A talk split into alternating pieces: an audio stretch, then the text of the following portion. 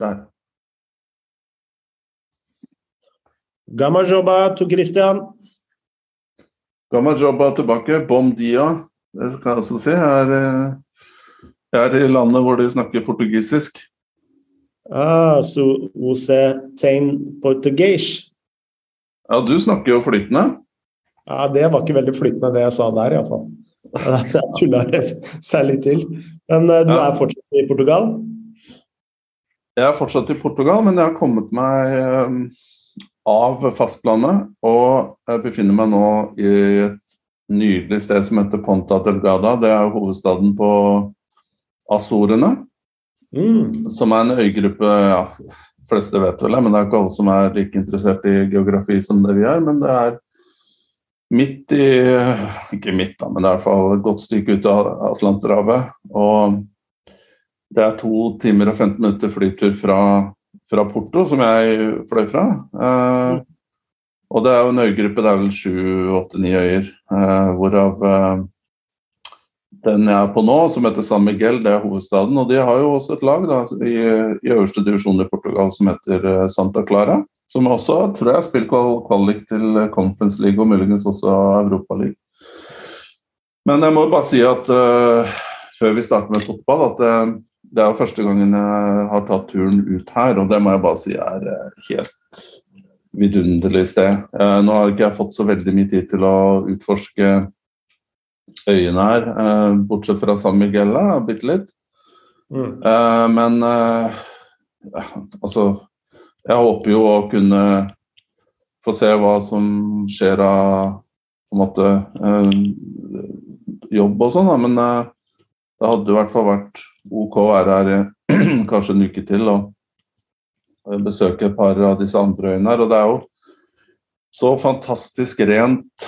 Eh, Havet er så fint. Og bare gikk en tur langs eh, gå, gå langs havna her, da, som jeg bor, så bare ved vannkanten her så ser du jo på en måte liksom, Det er jo som et akvarium. Eh, Det er ikke sånn Det blir dumt å sammenligne med Oslo, da, men der du ser noe sild og noe makrell. Men her er, her er det jo eh, sånn tropiske fisker med rare, fine farger eh, som driver og gnager på algene på, på, på steinene langs eh, havna her, og det er liksom masse stimer av fisker. Det er, det er helt utrolig, og det er så lite Du ser liksom ikke plast. eh, alt er så rent og fint. og er, Jeg tror de også er veldig stolte av på en måte i den tiden vi lever nå, så er det vanskelig å finne den type natur og eh, ekoturisme, om du vil. Og det er jo det står jo også på bucketlista mi da, å komme meg ut på et hvaldelfinsafari som man arrangerer eh, på disse øyene her. og Det er så grønt og fint og naturlige sånne springs, eh, som, litt sånn som det er på Island, og som man kan bade i eh, rundt omkring her. Naturlige kilder, da. Eh, så det er utrolig spennende bekjentskap. og ut fra den eh, Nå har jeg bare vært her i tre dager, men eh, allerede så vil jeg gå langt på vei og anbefale en tur til Azorene. Mm. En av verdens eh, beste fotballspillere gjennom tidene er jo født eh, på naboøya Madeira. Så det er jo et bra fotballområde, selv om det er et lite område.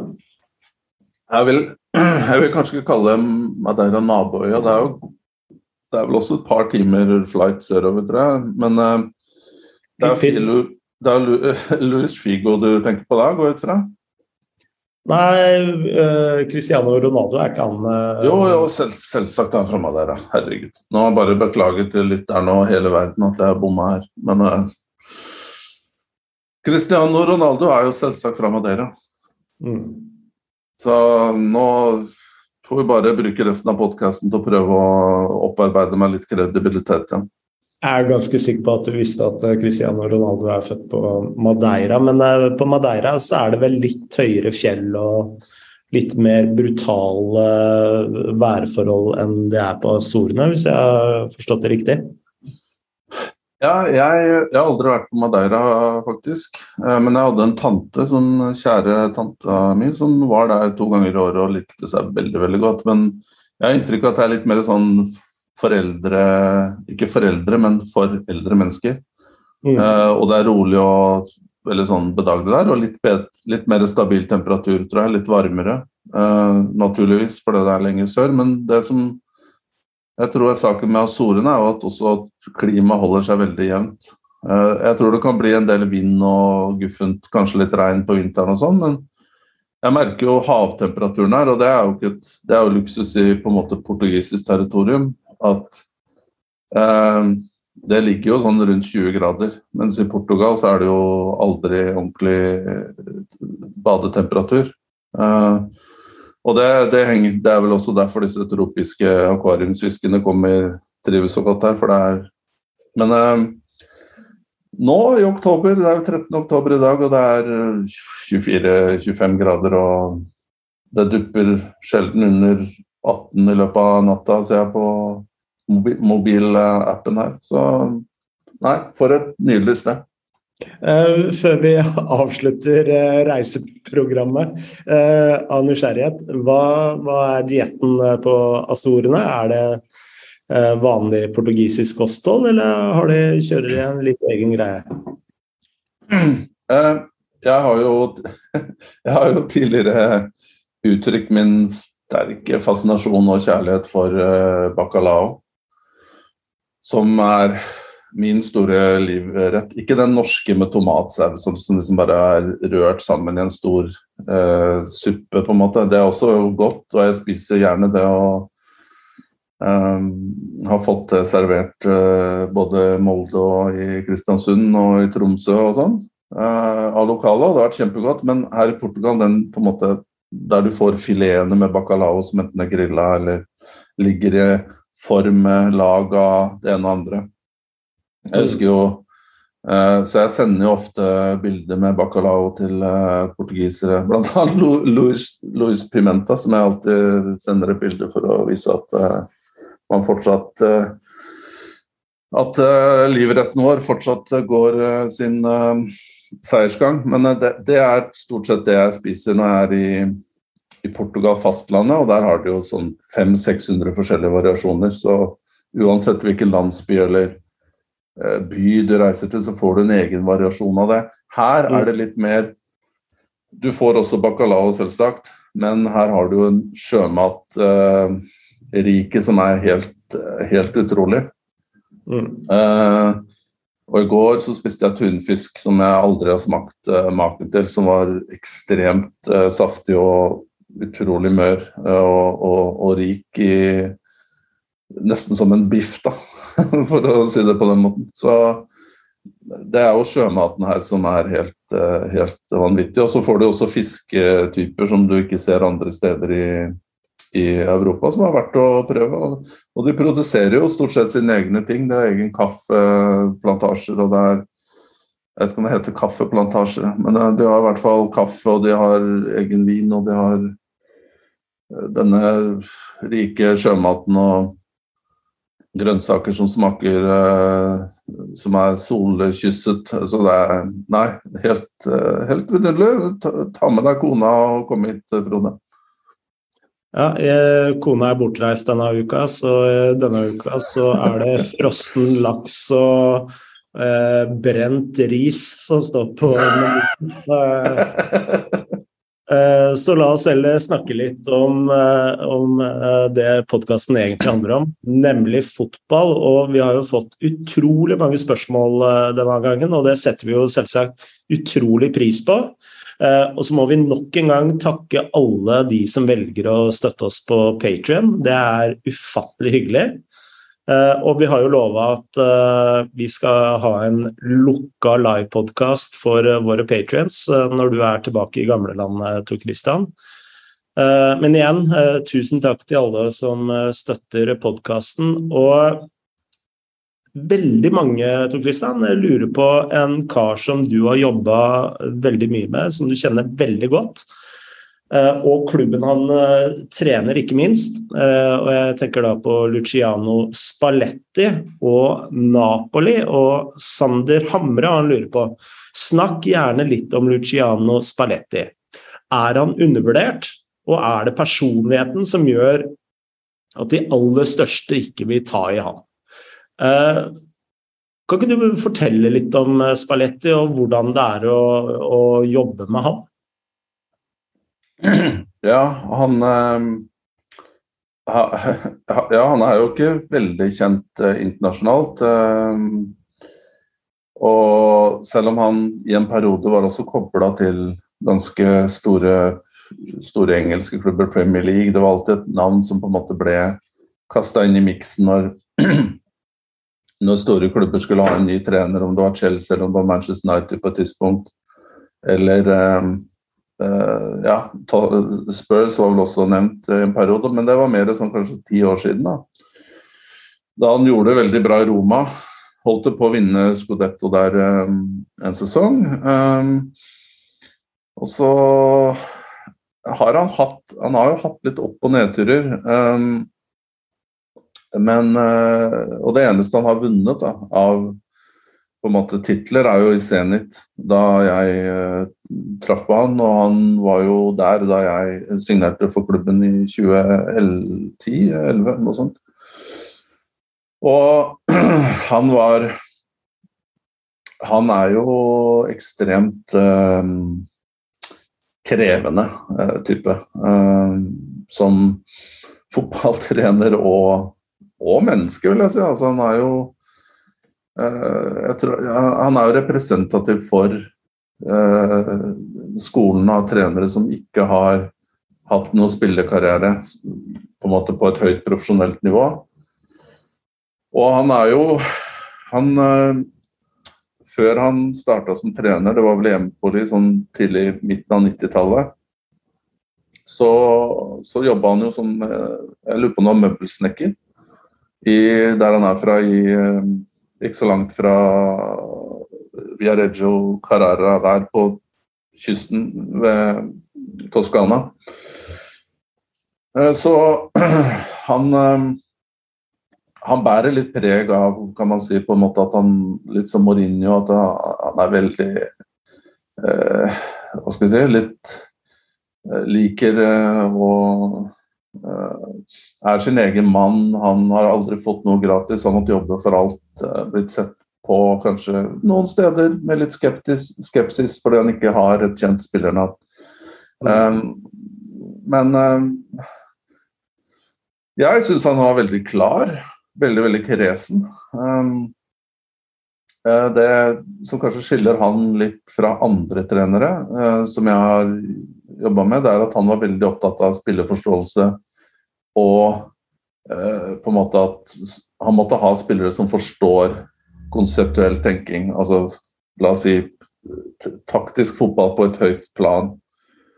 Og Det betyr da at han ikke kanskje er så eh, klar for unge spillere, som andre trenere er. Han ser kanskje bitte litt mindre på råe, råe på en måte fysisk og teknisk og alt dette. Han ser mer enn på en, på en vi si, en, en helhetspakke da, på spillere. Og at de forstår, forstår uh, bevegelser og samhandling og, og ja, ting som man kanskje skulle tro er ganske opplagt på høyt nivå. Men eh, Så han er veldig spesifikk da, i hans eh, måte å, å, å, å rekruttere spillere på. Og i Zenit så var han på en måte en slags Selv om det også var en sportsdirektør der, men i realiteten så bestemte han om ikke alt, så i hvert fall veldig mye. Og han var uh, alt som skulle inn av spillere, speiderapparat, rekruttering, skulle gjennom han. Uh, så han hadde jo Og det var kanskje en av svakhetene hans da, på et punkt, at han på en måte ikke kanskje forsto at hans store styrke er treningsfeltet uh, og det taktiske og kampledelse og de mer spesifikke coach-oppgavene. Eh, men at han skulle styre alt.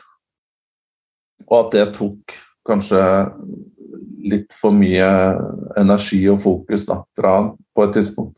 Men det er mulig han har lært. Han han, jo, han gikk jo fra Zenit tilbake til Roma uten at det var noe stor suksess. Det har også vært en vanskelig klubb å, å lede. Eh, og, og, etter det så var han i Inter i et par år uten at det var heller ikke en stabil klubb på det tidspunktet. Så han har også vært litt uheldig med valg av klubber. Kanskje ikke fått de, den store muligheten på det riktige tidspunktet. Men jeg vil jo tro eh, f.eks. at uh, Juventus gikk for Pirlo i Eh, på et tidspunkt her, da Spalletti var ledig. Men da kom jo eh, Spalletti ut av en ganske frustrerende periode i Inter. Eh, og da gikk jo Juventus med det på en måte uh, store, litt pompøse konseptet deres. De skulle ha Cristiano Ronaldo, de skulle ha Pirlo som trener. og, og valgte da ikke Spalletti, men jeg, jeg, tror nok at Juventus ville vært i en annen situasjon i dag da, om, de hadde, om de hadde valgt han. Mm. Du, du, sier at han er en krevende trener. Hva legger du i, i krevende Er det Stiller han høye krav, eller er han kranglet, eller?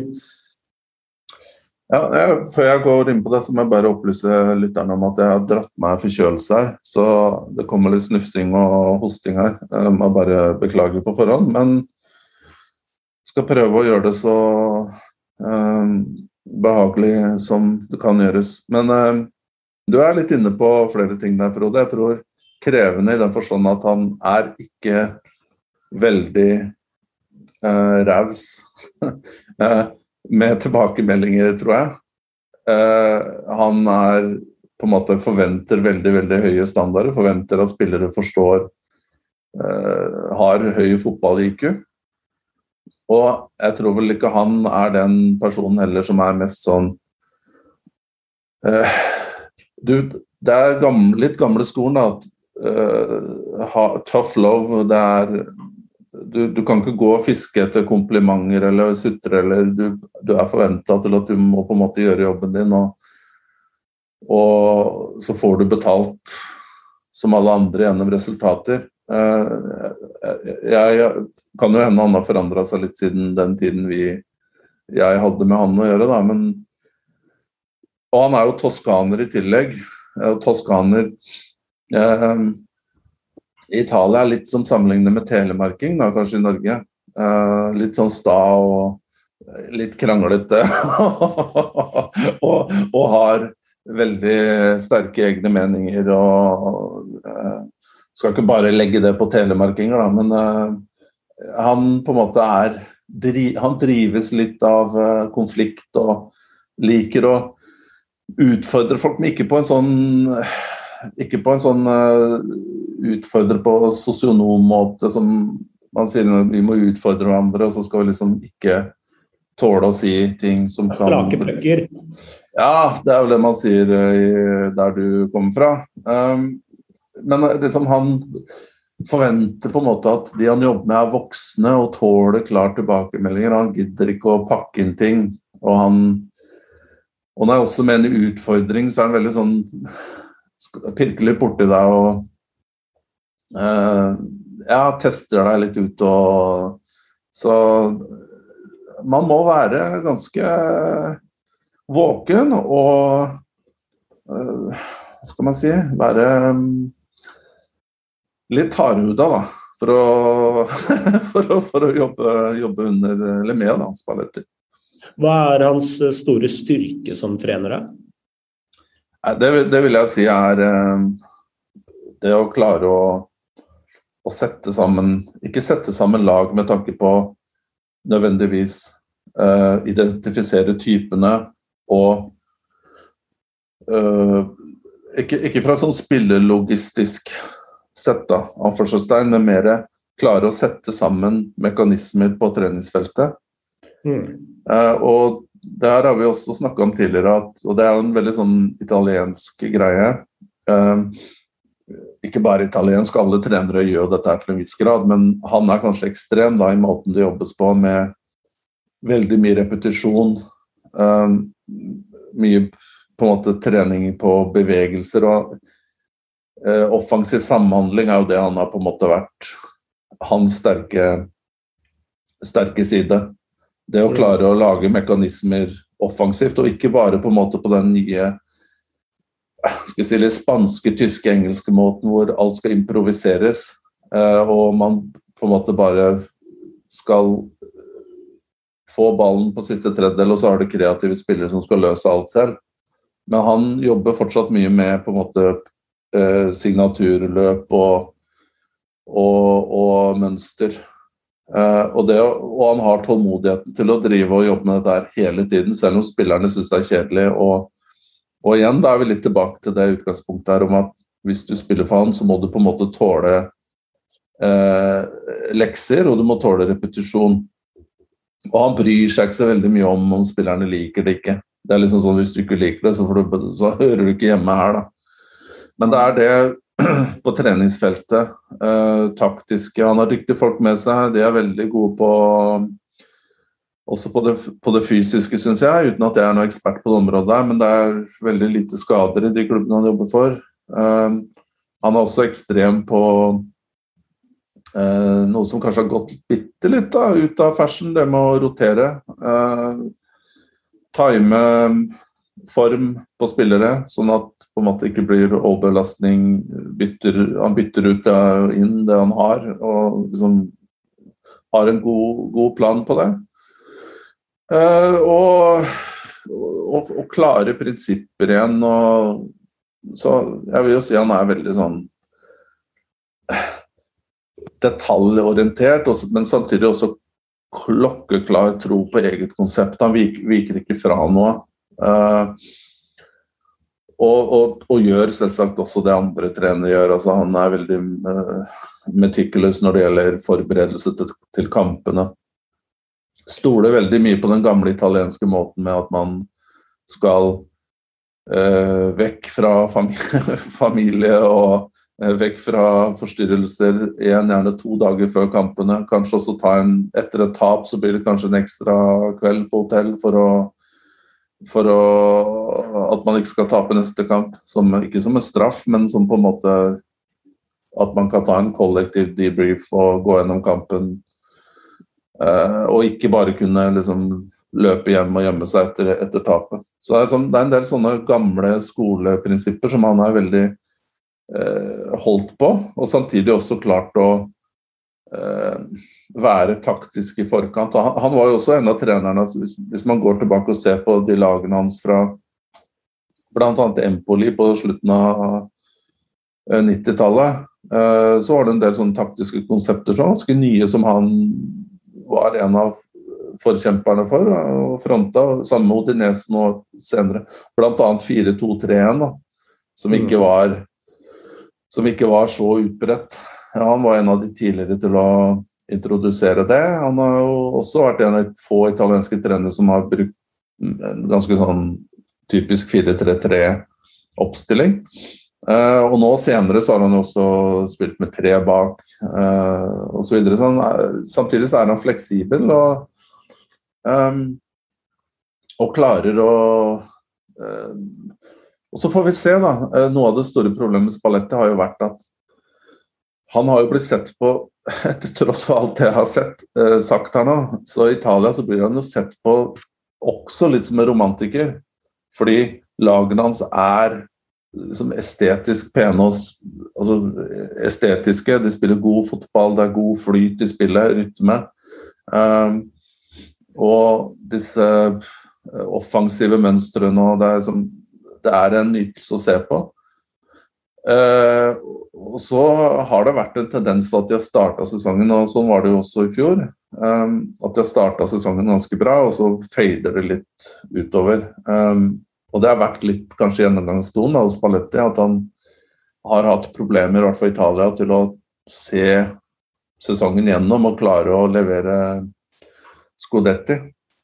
Mm. Av alt det du sier nå, da, så, uh, så ser jeg jo for meg Napoli spille fotball. Uh, og det er jo Jeg vil ikke si at de er et slags sånt utprega angrepslag. Som sender alle i, i, eh, i, i, angrep til enhver tid. Men eh, de har jo en veldig sånn flytende angrepsform som er veldig sånn behagelig å si, se på, og som, eh, angrepsspillerne nyter veldig godt av. Da. Kvaratskhelia har jo liksom blitt Europas store it-spiller på mange måter. Ja, um, og jeg tror det du sier der òg, det med, det med, med flyten og, og spillerne investerer i det og tror på det. Og det fører også til at uh, blir, selv om man på en måte ligger et mål under eller to, så er det ikke desperasjon. og De stoler på disse prinsippene, og det, det maler og det flyter videre. og Man vet at etter hvert som man fortsetter, så kommer det et mål. Uh, og det andre her, da, det er jo også, som vi har fått spørsmål om, uh, Frode, det er jo altså det ironiske her er jo at uh, Jeg husker jo i sommer så var jo Og, og, og det er også Spalletti på sin side. altså Han er ikke redd for å gå i en kamp, han er ikke redd for å fronte ting. I sommer så var det store protester i Napoli. De solgte jo Kolibali, eh, de solgte Mertens forsvant, Insigne forsvant. Uh, til og med andre sånn decente spillere som uh, Fabian Ruiz eh, f.eks. forsvant til, uh, til, PSG. Og, og uh, Napoli sto jo igjen som nesten på en måte langt på vei ribba. Da. Og det var også frykta at uh, skulle, den fantastiske nigerianske spissen skulle forsvinne. Så klarte de allikevel. Og det er jo også klart at uh, sportsdirektøren her fortjener uh, og, og, og, de som driver med recruitment, fortjener praise. Uh, for de har jo også gjort en veldig god jobb i å få spillere inn. Men jeg tror vel kanskje aspekt der er uten Spalletti som trener, så ville man ikke hatt den solide plattformen til å, til å relaunche Eh, Napoli 2022-2023. Mm. Og jeg husker jo jeg husker på sånne supportermøter, og det var jo filmet og sånn, lagt ut på Twitter. og det her er jo ikke Nord-Italia. Liksom. Det er jo på en måte Jo, det er helt der, men dette er Napoli alle steder.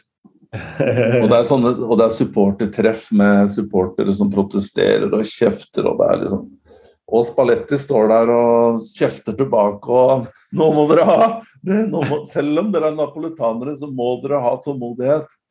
Og vi jobber, og dette skal bli et bra lag. Altså han, han, tør å ta den fighten her, da. Mm. Og det respekterer og, og igjen, han skjønner at uh, selv om han er toskaner, så skjønner han at i Napoli så må du på en måte operere. Du kan ikke gjemme deg. Du må være, og du må kjempe, og du må tørre å, å, å, å stå for det. Så jeg tror mange andre trenere hadde booka under allerede før sesongen der. Mm. Eh, la oss komme oss eh, litt videre, men eh, holde oss litt i Italia. Roar med skarre-r, han lurer på hva er det egentlig som foregår i Juventus? Går fra å dominere ligaen i mange år til å ligne et prosjekt uten noen form for retning. Er det mange år til vi ser Juventus ta Serie A-tittelen igjen, eller er det en overfladisk og feil analyse? Jeg vet ikke om du vil starte med Juventus der, ja? Jo, eh, min første take er vel at eh, de har kanskje vært eh, Eller det er jo flere ting, men hvis jeg skal eh, konsentrere meg om tre hovedting, så er det vel uh, Altså, de var veldig seint ute med et generasjonsskifte. De brukte masse penger på Cristiano Ronaldo, uh, som man kanskje må betale litt for nå. Uh, andre Serie A-klubber har begynt å drive uh, vel så bra. ja, så det er vel en blanding av de tre ting. Og ikke minst så har de jo bomma på veldig mange kjøp. Uh, og jeg sitter med et inntrykk av at mentaliteten Juventus var kjent for, den eh, er nå borte. Og jeg husker når eh, Rabiot kom til Juventus, da tenkte jeg at dette er en symptom på at Eller nå får i hvert fall den gode mentaliteten Juventus var kjent på, ble i hvert fall satt på prøve. Og det har den jo i aller høyeste grad blitt. Men jeg tenker at det er en kombinasjon av de tre-fire tingene da, som gjør at Juventus har falt fra. Og hvor lang tid det er før vi eh, ser Juventus eh, opp i samme Jeg tror det fort kan ta et par år. Ja, nei, jeg, jeg støtter jo støtter det du sier der. Um, og generasjonsskifte som kanskje ikke som, ikke som, de ikke har lykkes med. Um, så det er, det er, jo flere innganger her. Ehm, det er jo en klubb som vant åtte eh, Scudetti på rad eh, mellom 2012-13 og, og siste valg for tre sesonger siden, da, 1920. Eh, og så, så, så er jo et element der som du ser, økonomi. Cristiano-prosjektet der kosta mye. Ehm, pandemien traff jo kanskje Juventus enda mer enn andre pga. at de hadde veldig mer, liksom et mer kanskje eh, totalkonsept enn en utfordrerne som går på eh, VIP-bokser eh, på denne Juventus stadium, stadium og, og, ganske dyre billetter enn det andre klubber har. Så de, tapp, ja, så de tapte vel kanskje en del av Eh, inntekter der. De fikk ikke maksimalisert den Cristiano-effekten pga. pandemi. Men også er det vel en del strategiske valg, kanskje der med dette Pirlo, uh, Cristiano Man skulle bli uh, større enn det man kanskje uh, Altså, man hadde vunnet disse åtte skudettiene, man kommet langt i Champions League et par år, og så nå skulle man ta et neste steg, og da var det Pirlo, da var det Cristiano, da var det på en måte Det var ikke bra nok å vinne serien. Mm. Eh, og så lykkes jo ikke det. Um, og her er det også et par ting til. Det er jo at uh, ekstremt dyktige folk forlot klubben. Beppe Marotta gikk til Inter. Og Fabio Paratici året etterpå gikk til Eller om det var to år etterpå, gikk til, til, til Tottenham. Eh, og Marotta er jo eh, nesten en garanti i italiensk fotball. Altså kan, og, og, og, Fabio Paratici er også utrolig dyktig. og De har jo eh, jobba de, de startet, eh, Marotta starta Atalanta, eh, reformerte den klubben på, midten av, eller på slutten 90-tallet, eller midten av 2000-tallet. Så gikk han til Santore, gjorde samme jobb der, fikk klubben opp og frem, og der traff han jo også Fabio Paratici. Eh, og så gikk jo de to igjen som tandem, som et par, til, til Juventus. Og etter et år så revolusjonerte de den klubben og fikk den på glid igjen. Så det at det uh, Det er kanskje ikke noe Juventus sier offentlig, for det er jo mennesker der nå som sikkert er dyktige. Men uh, jeg, jeg, registrerer jo at nå som Marotta har Det er jo to-tre år siden han forsvant, og, og Paratic etterpå, men nå er jo André Agnelli mye mer frem i media. Eh, og Det er også litt symptomatisk med dårlige tider at, uh, at presidenter og eiere må, må frem. Jeg, jeg, hørte også at i garderoben etter tap i, i Israel på, på to dager siden, så var jo både Anjeli og Nedved i, i garderoben og på en måte skulle Det er kanskje en sånn eh, mer emosjonell uh, gesture, da. Men det er jo på en måte heller ikke noe som kanskje man hadde gjort tidligere i Juventus, som er en klubb som du sier, som man har assosiert med vinnermentalitet. Uh, litt sånn Bayern München-aktig. Um, det bare liksom kverner og går, og du de feier over lag. Men også at det er i senere tid i hvert fall da, vært assosiert med, med, litt stil og klasse over det de har gjort. Eh, og det er kanskje litt fraværende nå. Men, men hvis du også går litt på Nå har vi snakka litt mer om det generelle og, og eh, det som ligger rundt. Mer hvis du skal være litt mer konkrete, så, så, kan man jo også se kan man også spørre seg om Allegri var riktig mann å hente tilbake. Um, man lykkes ikke med Pirlo, man lykkes ikke med, med Sarri, og så går man tilbake til det kjente og håper at det skal på en måte lykkes med det igjen. Det er spørsmålet som konsept, om det er en bra tanke, om, om, om det er vanlig at folk kommer tilbake og lykkes, om Allegri har den Om man har den eh, eh, Ikke sulten, for det har han nok, men om man har den nytenkningen og dynamiske fleksibiliteten, altså tenkningen som man hadde for ti år siden. Det, mm. måte, da han kom gjennom som trener, var det Cagliari. Det var jo på en måte disse taktiske grepene han gjorde og uh, måten han styrte kampene på, som var, som var ganske revolusjonerende og gjorde at han fikk den jobben i Milan, vant serie Scudetto der uh, også. Så det er jo også et spørsmål, og det blir jo sagt nå da, at um, det er misnøye med, med, med Allegri, og at det ikke er god kjemi mellom han og spillergruppa. Um, så kan man jo gå igjen, men dette blir sånn høna og egget, da. På en måte eh, Presterer ikke spillerne fordi de er misfornøyd med treneren, eller får ikke treneren nok ut av laget fordi han, han er misfornøyd med spillerne?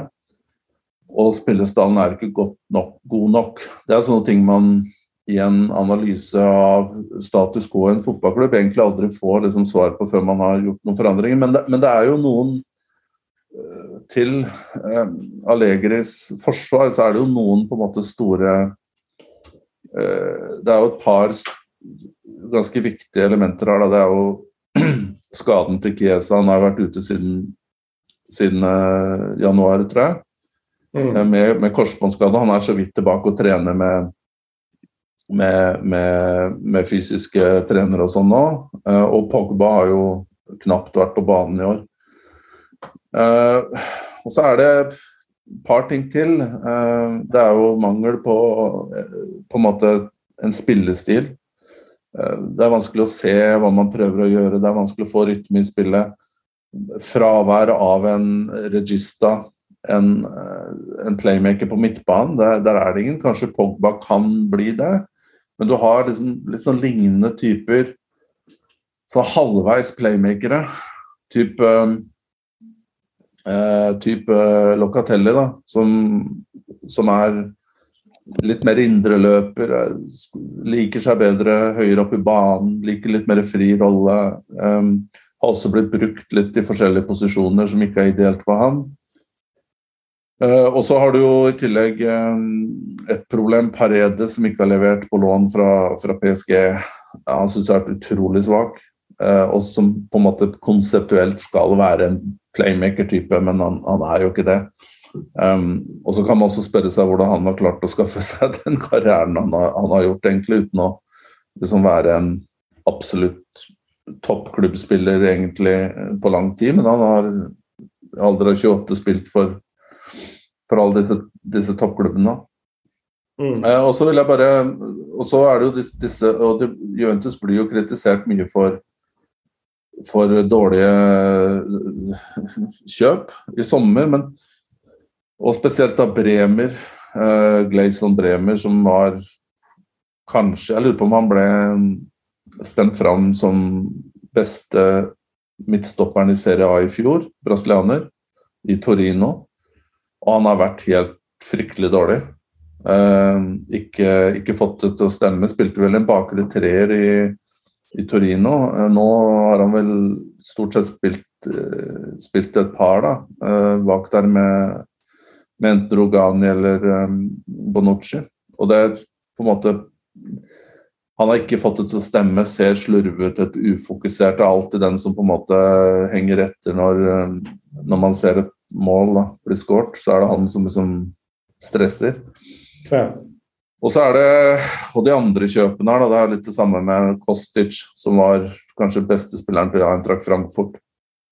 Det var alltid snakk om én-mot-én-egenskapene på kanten, innleggskvalitetene. Det, det, har vi ikke sett noen ting av i det hele tatt uh, på, på venstresida. Har, har, har, ikke lykkes. Uh, og, og nå begynner man jo også Eh, og, og, og, til og med liksom, bekkene ser ikke bra ut. Alexandro er på, skikkelig på, på vei ned. Og så kan man jo også stille spørsmålet hva er på en måte, er dette fordi de er misfornøyd med Allegri, eller er det fordi de plutselig har blitt dårlige spillere? Jeg har vanskelig for å tro det, det sistnevnte. Så kan vi også bare avslutningsvis nevne Vlavic, da, som vi har snakka om mye i, i Chivadze. Som for så vidt har, hvis du ser på rene tall, så, så har han jo levert ganske bra. Han har jo fem uh, mål på, på um, åtte kamper i Serie A. Uh, men uh, han har vel kun ett i Champions League, uh, tror jeg.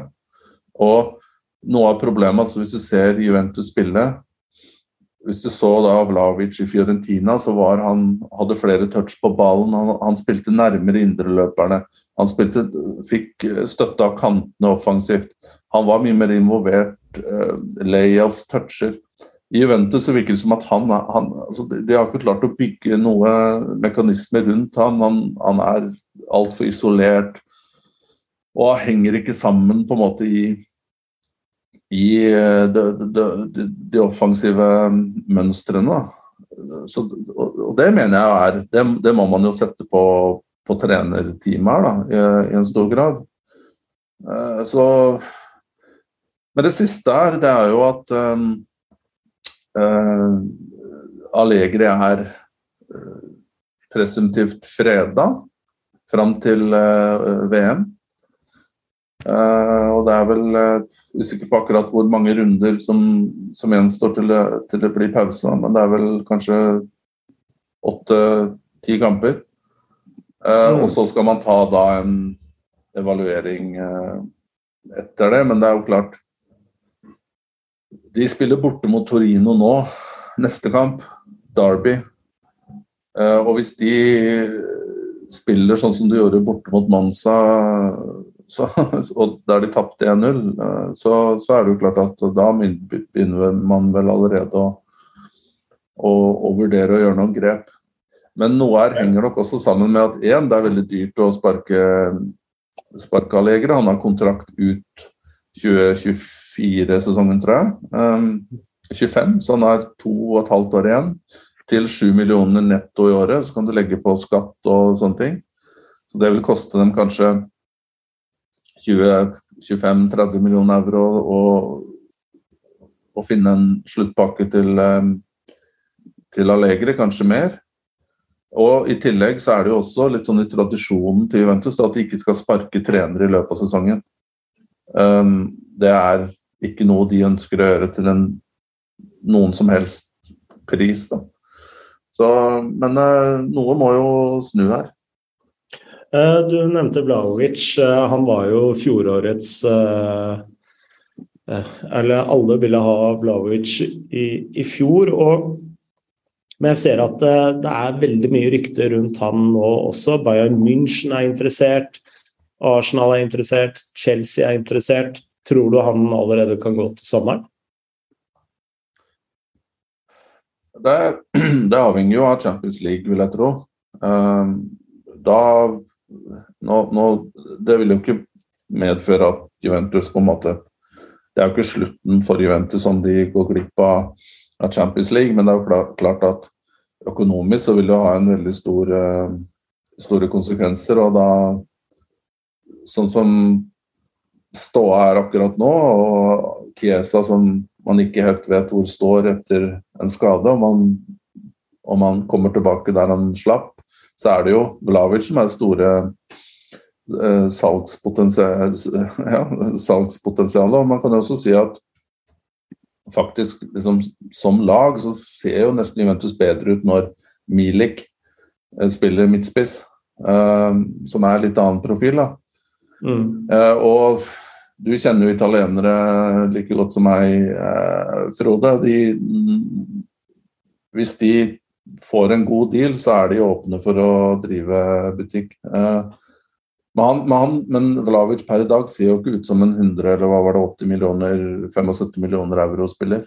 Men de vil jo sannsynligvis allikevel få det i markedet. Så, så hvem vet? Altså, jeg har fortsatt veldig stor tro på han. Um, og det er jo ikke sånn at han kan ha blitt så mye svakere eh, over noen måneder. Nei. Bra. Eh, la oss komme oss, eh, komme oss eh, litt videre og er, altså, vi har jo snakket om Barcelona tidligere, og vi har fått et spørsmål om Barcelona, men vi kan, kan vel kanskje henvise til, til, en tidligere episode hvor vi snakka mye om Barcelona. Men uh, Petter Støvland han uh, lurer på Barcelona trolig ute av Champions League. Hva har det å si for den økonomiske gamblingen de har drevet med?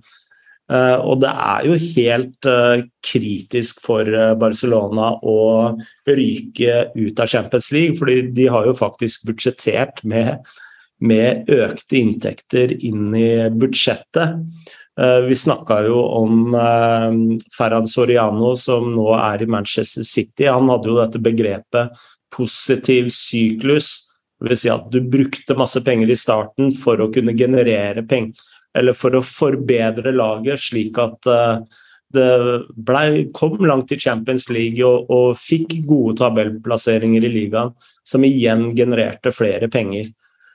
Uh, og uh, ja, nå er de ute av Champions League, og de kommer ikke til å tjene like mye penger som det de hadde sett for seg. Så nå, jo, nå, nå står det jo, så, sånn jeg ser det, mellom to valg.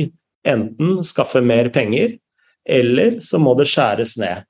Uh, fordi det er jo Altså, La Liga er jo ikke en så enkel eh, liga å håndtere lenger. Uh, det virker som La Liga har nå uh, tatt på alvor de økonomiske uregelmessighetene, kan man nær sagt si, hos klubbene i Spania. Eh, så det er ikke bare bare å få godkjent budsjettene sine hos eh, La Liga lenger heller. Eh, så dette kan potensielt være veldig kritisk for Barcelona. Ja, det er jo Det er jo for så vidt uventa at at Barcelona mest sannsynlig ryker fra den gruppa der. Det er jo klart Bayern og Inter. Men du ville jo kanskje trodd at styrkeforholdet der var at um, kanskje Inter ville være laget som heller ikke har hatt en veldig positiv høst, uh, skulle ryke der. Um, mm. Jeg tror forskjellen fra uh, Ikke tror, det er jo på en måte opplagt. Uh, nå røk jo Barcelona ut ved disse tider i fjor òg. Tror det var en svakere gruppe enn det de hadde i år. Men uh, den store forskjellen her er jo at de, de kjemper om uh, Nå er de jo på tabelltopp sammen med Real Madrid og ligger på en måte komfortabelt til. Uh, ved disse tider i fjor så var de vel nede på tredje, fjerde, femteplass med ganske tett Med ganske stort stor distanse opp, da. Uh, og jeg, jeg, er usikker på hvor Nå er det jo Europaligaen som de ender opp med, og det er jo også store, relativt store penger å, å, hente der. Nå er det vel Men det kan jo ikke sammenlignes selvsagt med de eventuelt uh, om det er 70-80 millioner euro som man eventuelt går glipp av hvis man skulle komme seg helt til, um, til semifinalen eller finalen. Men jeg er usikker på akkurat hvordan dette er strukturert, og hvordan cashflowen er, og om de er kapable til å møte kort, kortsiktig gjeld og, og, sånne ting. Det har ikke jeg satt meg så nøye inn i. Men jeg, jeg, jeg, vil jo fortsatt si at uh, selv om Laporta sitt, sin tankegang her med disse,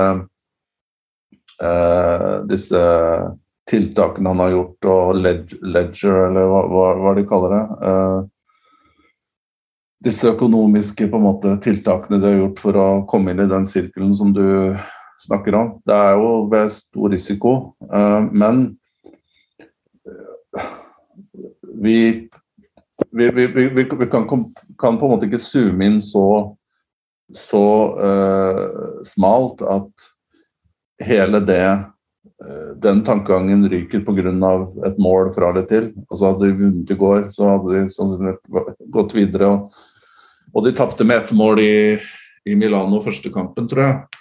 Men det, det jo, de fremstår som helt annen, en helt annen uh, klubb, og det er jo spiller en helt annen type fotball, og det er mye mer optimisme i Barcelona enn det det var for et år siden.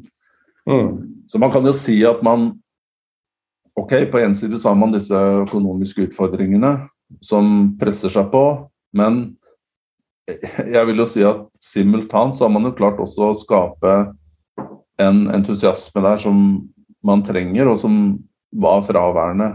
Så, så jeg vil ikke på en måte legge det der avskrive det helt ennå, da. Det er min uh, og, og, så blir det også spennende å se. Nå er det vel uh, Jeg vet ikke om det er uh, det, er, det er vel El Clásico nå ja, på søndag, tror jeg. Og da er det jo Hvis Barcelona skulle vinne den, så er jo alt dette snakk om økonomi glemt. sånn er det i fotball, på en måte. Det snur så fryktelig fort. Mm. Bra. Eh, vi har noen eh, flere spørsmål, og jeg lurer på eh, Vi har fått et spørsmål fra Kristoffer Johansen. Han lurer på Kan dere snakke litt om soft power-verdien av å eie Manchester United for Glazers? Hvor stor er den? Verdien av å få tilgang til å møte og bli lyttet til av rike, mektige personer eller organisasjoner globalt Uh, relevant industri, crossover, media marketing, gallaer osv. Jeg lar deg starte der, ja. Uh, altså, det er jo klart at eh, for veldig mange eiere så er jo soft power utrolig viktig og kan ha en enorm verdi. Men for Manchester Uniteds uh, sin del så er jeg litt usikker på hvor uh, Uh, hvor betydningsfullt det er, all, med all den tanke at The Glazers ikke driver en industri hvor du kan kapitalisere på denne soft poweren. Da. Og bare i Sett i sammenheng, da, Florentino Perez Han driver jo som eiendom, eiendomsutvikler i Spania. Uh, og han fikk jo veldig, veldig mange Eller vant mange budrunder i Kina, bl.a. Hvor han brukte Real Madrid som en brekkstang inn. Han fikk Real Madrid til å, å åpne flere akademier, f.eks. I Kina på den ene delen, for så å vinne eiendomsanbud i Kina på den andre siden. Uh, og Det er et veldig sånn, godt eksempel på hvordan soft power uh, er viktig for en, en, eier eller en president. Men jeg ser liksom ikke at The Glazers har en industri eller en, et selskap som kan nyttiggjøre seg det i samme grad da, som f.eks. Florentino Perez i, i Kina, og sikkert veldig mange andre eiere også rundt omkring. Ja, jeg, jeg følger deg der. Um, og i tillegg så Det andre mest opplagte her er jo, som vi har vært inne på, eller som er veldig også uh, hett på agendaen, er jo uh, bruke sin, uh, sin påvirkningskraft i fotballklubber politisk. styrke sin profil hvis man har motiver til, å, til en politisk karriere eller promotere et land eller en eh, Ja, altså det, det, det er jo på en måte PR-elementer her som er ganske opplagte som Men jeg er også enig i at uh, det, er, det, er, veldig vanskelig å finne opplagte ting som uh, som gagner Glazers uh, på en måte fra en soft power-side, bortsett fra at de har jo allerede en NFL-klubb som for amerikanere så er vel det langt større enn å eie, selv om Manchester United er en av verdens største fotballklubber og mest uh, suksessrike og prestisjefulle, så, så, er vel det å eie en NFL-klubb i USA, så vidt jeg vet, uh, som nesten å være Da er det nesten uh, royalty. Mm. så skulle jo tro at allerede der så hadde du nok Hva skal vi si Nok kudos da, til å få utføre det du eventuelt ønsker. Eh, og jeg tror vel ikke det er så veldig mange dører som ikke er åpne for, for Glazers, selv om de skulle kvitte seg med Manchester United. Så Men det er jo også noe som heter ego, da. Det, og de, de Man ser også på tallene her at måten de har strukturert klubben på, gjør også at det er profitabelt for dem. Så det å da kvitte seg med en Holdt på å si en uh, inntektskilde som gir og gir, det jo, gir jo heller ikke noe mening. Uh, hvis du ikke du skulle få vanvittig uh, pris for det. Men, men jeg vet ikke. Kanskje det også dreier seg om ego at det er prestisje altså, Selvsagt er det prestisje å eie Manchester United, men mm. Så Så det var Ja, jeg for så vidt følger deg på Følger deg på det resonnementet. Eh, vi begynner å, å, gå tom for tid, eh, Tor Christian, men jeg, jeg, lurer på om vi rekker et spørsmål til. Eh, og vi har fått et spørsmål fra Jon Are Wilsgård om en av Altså det er jo mange spennende spillere om, om dagen, men en som er en nytelse å se, det er jo Jude Bellingham. Og Jon Are Wilsgård lurer på neste sommer blir det en krig om Bellingham. Og Liverpool ser ut til å trenge ham. Liverpool har mangla en sånn type siden Vinaldium dro. Dersom Liverpool ikke får ham, hvem er alternativet? Vinaldum var aldri skada og svært anvendelig, og savnet synes tydelig. Ja, jeg har jo vært Um, ikke at det, er, uh, at jeg er en eksklusiv klubb av én person, men uh, jeg må si jeg har vært uh, fryktelig imponert av Bellingham siden allerede han debuterte som hadde nettopp fylt 16 år, tror jeg, i Birmingham. Um, mm.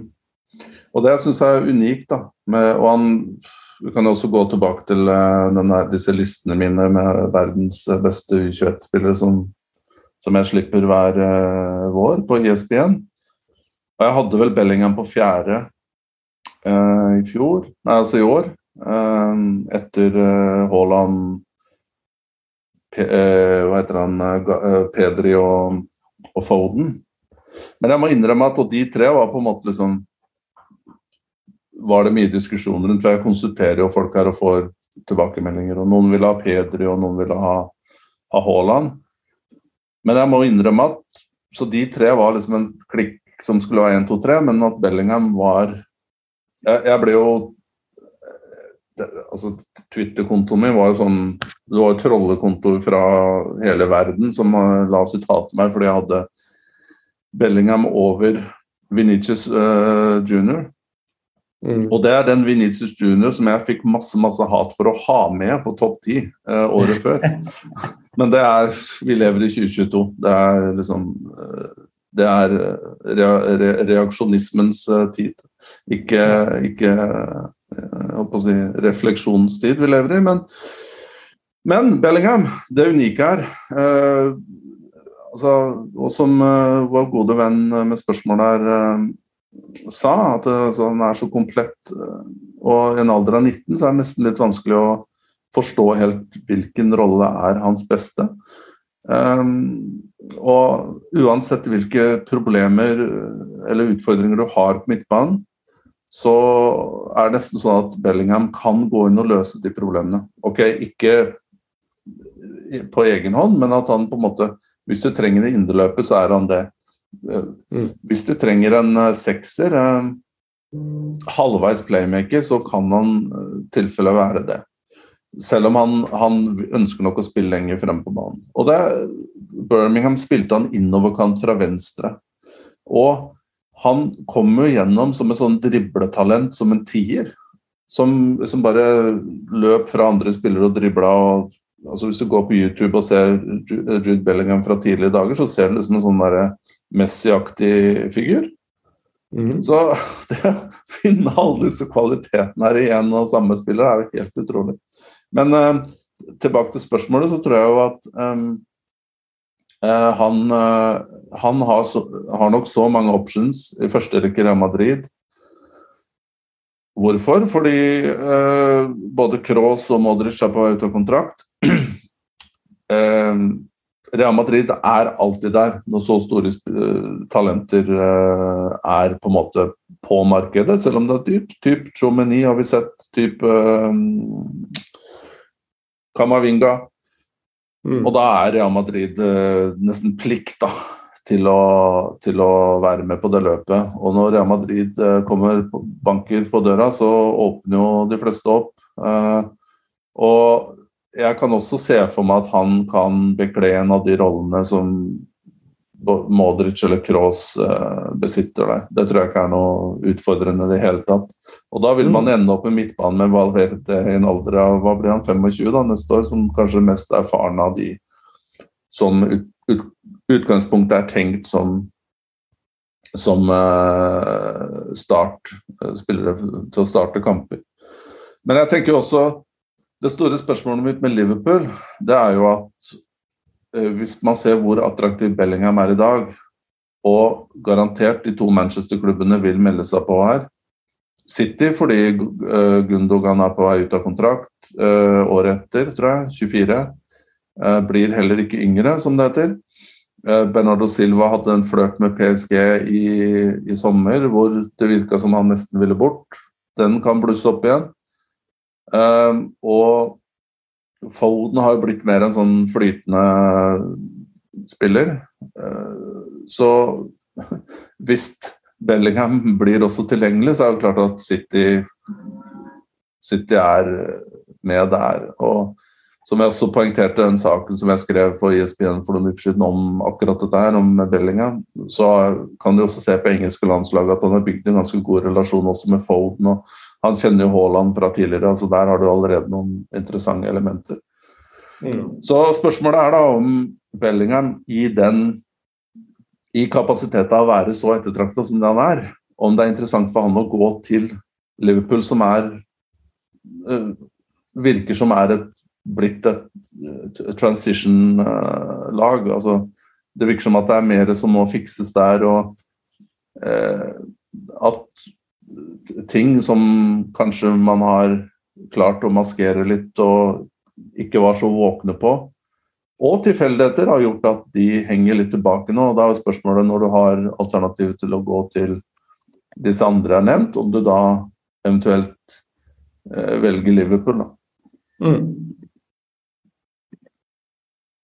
Hvor hadde du satt pengene dine hen?